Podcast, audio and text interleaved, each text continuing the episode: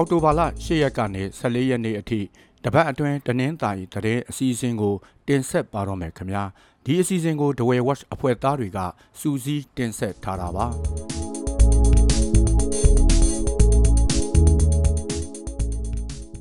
စေအုပ်ချုပ်ရေးကြီးညာခံထားရတဲ့တနင်္သာရီမြို့နယ်ထဲကလူငယ်တရာကျော်ကိုအခြေခံစစ်ပညာနဲ့ဆေးပညာသင်တန်းပေးခဲ့တယ်လို့တနင်္သာရီတိုင်းပြည်သူ့ကာကွယ်ရေးအဖွဲ့ကအောက်တိုဘာလ10ရက်နေ့ကထုတ်ပြန်ပါတယ်။ NUG ကာကွယ်ရေးဝန်ကြီးဌာနကလုပ်တဲ့အခြေခံစစ်ပညာသင်တန်းကိုလူငယ်80တက်ရောက်တင်ကြားခဲ့ပြီးစစ်ရေးပြအပါအဝင်လက်နက်ငယ်ဖြုတ်တက်တာပြစ်ခတ်တာနဲ့နိုင်ငံရေးဘာသာရပ်တွေကိုသင်ပေးခဲ့တယ်လို့ဆိုပါတယ်။အခြေခံစစ်ပညာသင်တန်းကိုတော့မြိတ်ခရိုင်တိုင်ရင်ကရဲဘော်22ဦးတက်ရောက်ခဲ့ပြီးစာတွေ့လက်တွေ့သင်ပေးခဲ့တယ်လို့ဆိုပါတယ်။တနင်္သာရီမြို့နယ်ထဲမှာစစ်ကောင်စီတပ်နဲ့ပြည်သူ့ကာကွယ်ရေးတပ်တို့ထိတွေ့တိုက်ပွဲတွေခက်ဆစ်ဆစ်ဖြစ်နေပါတယ်။တ နင်္သာရီမြို့နယ်ကမ်မလိုင်းရွာအခြေစိုက်စစ်ကောင်စီချီမြန်တရင်958ဟာ drone နဲ့နှစ်ကြိမ်ဘုံချတိုက်ခိုက်ခံရပါတယ်။အော်တိုဘာလ10ရက်နေ့ကပြည်သူ့ကာကွယ်ရေးပူးပေါင်းအဖွဲ့ရဲ့ drone နဲ့တိုက်ခိုက်မှုကြောင့်တိုက်ရင်အတွင်ပောက်ကွဲခဲ့တယ်ဆိုပေမဲ့ထိခိုက်မှုကိုတော့မသိရသေးဘူးလို့ဆိုပါတယ်။ drone နဲ့ဘုံချတိုက်ခိုက်အပြီးမှာတော့စစ်ကောင်စီတပ်ဘက်ကလည်းလက်နက်ကြီးနဲ့ပြန်လည်ပစ်ခတ်ခဲ့ပါတယ်။ drone နဲ့တိုက်ခိုက်မှုအပြီးနောက်တရက်မှာတော့စစ်ကောင်စီတပ်ကသဘောလိပ်ရွာနာကိုစစ်ကြောင်းထိုးနေလို့နှစ်ဖက်စီရေးတင်းမာနေပါတယ်ရေဖြူအနောက်ဘက်ကမ်းရှိရလိုင်းရွာနဲ့ပကောစွန်းရွာမှာစစ်ကောင်စီတပ်ကနေအိမ်တွေကိုမီးရှို့ခဲ့ပါတယ်။အော်တိုဘာလ10ရက်နေ့မနက်ကရလိုင်းရွာရှိနေအိမ်တစ်လုံးမီးရှို့ခံရပြီး9ရက်နေ့ကလည်းပကောစွန်းရွာကနေအိမ်တစ်လုံးမီးရှို့ခံရပါတယ်။ စစ်ကောင်စီတပ်သားတွေဟာအော်တိုဘာလ9ရက်နေ့ကစပြီးရေဖြူနဲ့လောင်းလုံးမြို့နယ်တွေကိုစစ်ကြောင်းနှစ်ကြောင်းခွဲပြီးစစ်ကြောင်းထိုးနေတာပါအဲ့ဒီမတိုင်ခင်အော်တိုဘာလ၄ရက်နေ့ကစစ်ကောင်စီတပ်တပ်ဆွဲထားတဲ့ရေဖြူမြို့ရပ်တော်မူဖျားနာကတပ်စခန်းကို PDF ပူးပေါင်းတပ်ဖွဲ့ကဝင်ရောက်တိုက်ခိုက်ခဲ့ပါတယ် ဒီလိုပြစ်ခတ်ပြီး9ရက်အကြာမှာတော့ရေဖြူမျိုးရဲ့အနောက်ဘက်ကမ်းရှိမင်းတပ်တပြေစွန်းပကောစွန်းရလိုင်းကျေးရွာတွေနဲ့လောင်းလုံးမျိုးအနောက်မြောက်ဘက်ရှိမဲအုံနောက်စခန်းကြီးစွန်းတောင်းပေါ်စတဲ့ရွာတွေကိုစစ်ကြောင်းထိုးနေတာပါ။စစ်ကောင်စီတပ်ကစစ်ကြောင်းထိုးချိန်ဖမ်းခေါ်သွားတဲ့ဒေသခံအားလုံးဒီပါအော်တိုဘာလ23ရက်နေ့ကပြန်လွတ်လာပါတယ်အော်တိုဘာလ9ရက်နေ့ကရေဖြူမြို့နယ်တပြေစွန်းမင်းတပ်ပကောစွန်းစတဲ့ကြေးရွာတွေကိုစစ်တပ်ကစစ်ကြောင်းထိုးလာပြီးဒေသခံ20ဝန်းကျင်ကိုဖမ်းဆီးခဲ့တာပါ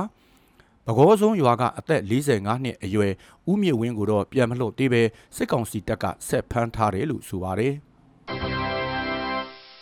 ကံဖောက်မှာရှိတဲ့ပုဂ္ဂလိကဘဏ်တွေအကုန်လုံးရန်နာလိုက်လို့ဒေသခံတွေအခက်တွေ့နေကြရပါတယ်။ရေဖြူမြို့နယ်ကံဖောက်ဒေသမှာပုဂ္ဂလိကဘဏ်နှစ်ခုရှိပြီး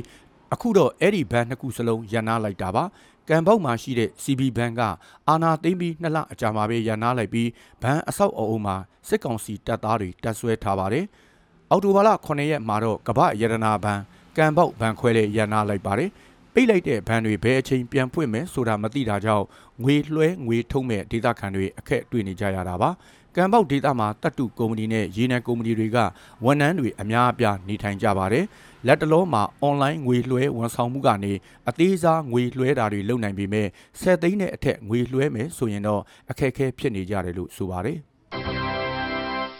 ရေဖြူမြို့နယ်ထဲကဇီးကြရွာကိုအင်အား40လောက်ရှိတဲ့စစ်ကောင်စီတပ်သားတွေရောက်လာပြီးရင်းတွေကိုတအိမ်ဝင်တအိမ်ထွက်စစ်ဆေးခဲ့ပါတယ်။ အော်တိုဘာလ10ရက်မနေ့ကရောက်လာတာဖြစ်ပြီးလိုင်စင်တက်တန်းလွန်နေတဲ့စိုက်ကယ်တွေတစ်ဆက်နဲ့မိသွေးဖုတ်လုပ်ငန်းလုပ်သူတွေစီကနေဒဏ်ချင်းငွေဆိုပြီးစုစုပေါင်း30လောက်တောင်းယူသွားတယ်လို့ဆိုပါတယ်။အဲ့ဒီလိုစစ်ဆေးငွေတောင်းပြီးနောက်မှာတော့တနက်ပြက်ဖောက်ပြီးရေဖြူမြို့ဘက်ထွက်သွားတယ်လို့ဆိုပါတယ်။တဝဲမြို့ရဲ့စီမံသားရရေးနယ်နိမိတ်တွေမှာရင်းတွေကိုရှောင်းတခင်စစ်ဆေးလိရှိပေမဲ့လမ်းမပေါ်မှာပဲစစ်ဆေးခဲ့တာပါ။ မော်တော်ယာဉ်မှာမပြည့်စုံလို့အပြစ်ရှိရင်လဲချလန်ဖြတ်ပိုင်းပေးတာရင်ထင်းရဲနဲ့တရားရုံးတွေမှာပဲဒဏ်ကြီးဆောင်ရလိမ့်ရှိပါတယ်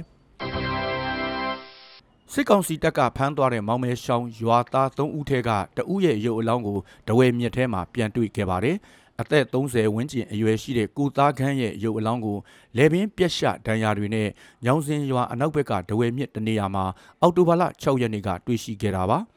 ဇီးကြရွာနာမှာရှိတဲ့တဝဲအကျဉ်းထောင်တစ်တိဆောက်ရေးလုပ်ငန်းခွင်ထဲအကျဉ်းဦးစီးဌာနဝန်ထမ်း2ဦးတပ်ဖြတ်ခံရပြီးတဲ့နောက်ကိုသားကန်ကိုမျိုးဆွေနဲ့အသက်14နှစ်အရွယ်ပဲရှိသေးတဲ့ကလေးတဦးကိုအော်တိုဘာလ1ရက်နေ့မှာစစ်ကောင်စီတပ်ကဖမ်းဆီးခဲ့တာပါ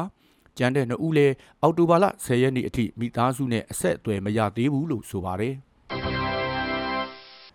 ဝယ်မြို့အခြေစိုက်ဇဘူတီတီအရေးပေါ်လူနာတဲဆောင်ရေးအဖွဲ့ကိုဦးနိုင်မျိုးသွင်ကပြန်ပြီးဦးဆောင်တော့မှာပါဇဘူတီတီအဖွဲ့ဦးဆောင်သူဖြစ်တဲ့ဦးနိုင်မျိုးသွင်ဟာစက်တင်ဘာလ16ရက်ကဒဝယ်မြို့ပြပျောက်ကြားတပ်ဖွဲ့ရဲ့17ရက်အကြာဖမ်းဆီးစစ်ဆေးတာခံလိုက်ရပါတယ်အောက်တိုဘာလ၁ရက်နေ့မှာတော့ကျမ်းမာရေးအကြောင်းပြချက်နဲ့ဇဘူတီတီအဖွဲ့ကနေအနားယူတယ်လို့ဦးနိုင်မျိုးသွင်ကကြေညာခဲ့ပါတယ်ပြည်သူအချို့ရဲ့တိုက်တွန်းချက်ကြောင့်ဦးနိုင်မျိုးသွင်ဟာအောက်တိုဘာလ12ရက်ကစပြီးအဖွဲ့ရဲ့လုပ်ငန်းတွေပြန်လုပ်တော့မယ်လို့ဆိုပါတယ်။ တဝဲမှာတက်တက်လွတ်စတုဒီတာကျွေးပွဲကိုအခုလ14ရက်ကနေ22ရက်အထိ9ရက်ဇက်တိုက်ပြုလုပ်သွားဖို့ရှိနေပါတယ်။တဝဲမြို့ကျွန်းမွေးတစ်လန်တံမြာကန်နားမှာကျွေးသွားမှာဖြစ်ပြီးမနေ့10နာရီကနေ17နာရီခွဲထိတစ်ချိန်နဲ့ညနေ4နာရီကနေ9နာရီခွဲထိတစ်ချိန်ကျွေးမွေးသွားမယ်လို့ဆိုပါတယ်။အဲ့ဒီတက်တက်လွတ်စတုဒီတာအလှကိုစေတနာရှင်တွေဥဆောင်ပေးလူတာဖြစ်ပြီးအသားမပါဘဲထမင်းနဲ့အသီးအရွက်တွေကျွေးမွေးသွားမယ်လို့ဆိုပါတယ်။ အဲ့ဒီတက်တက်လို့အလှပွဲကိုပြုလုပ်လာတာအခုတစ်ချိန်ဆိုရင်တတိယအကြိမ်ဖြစ်တယ်လို့ဆိုပါတယ်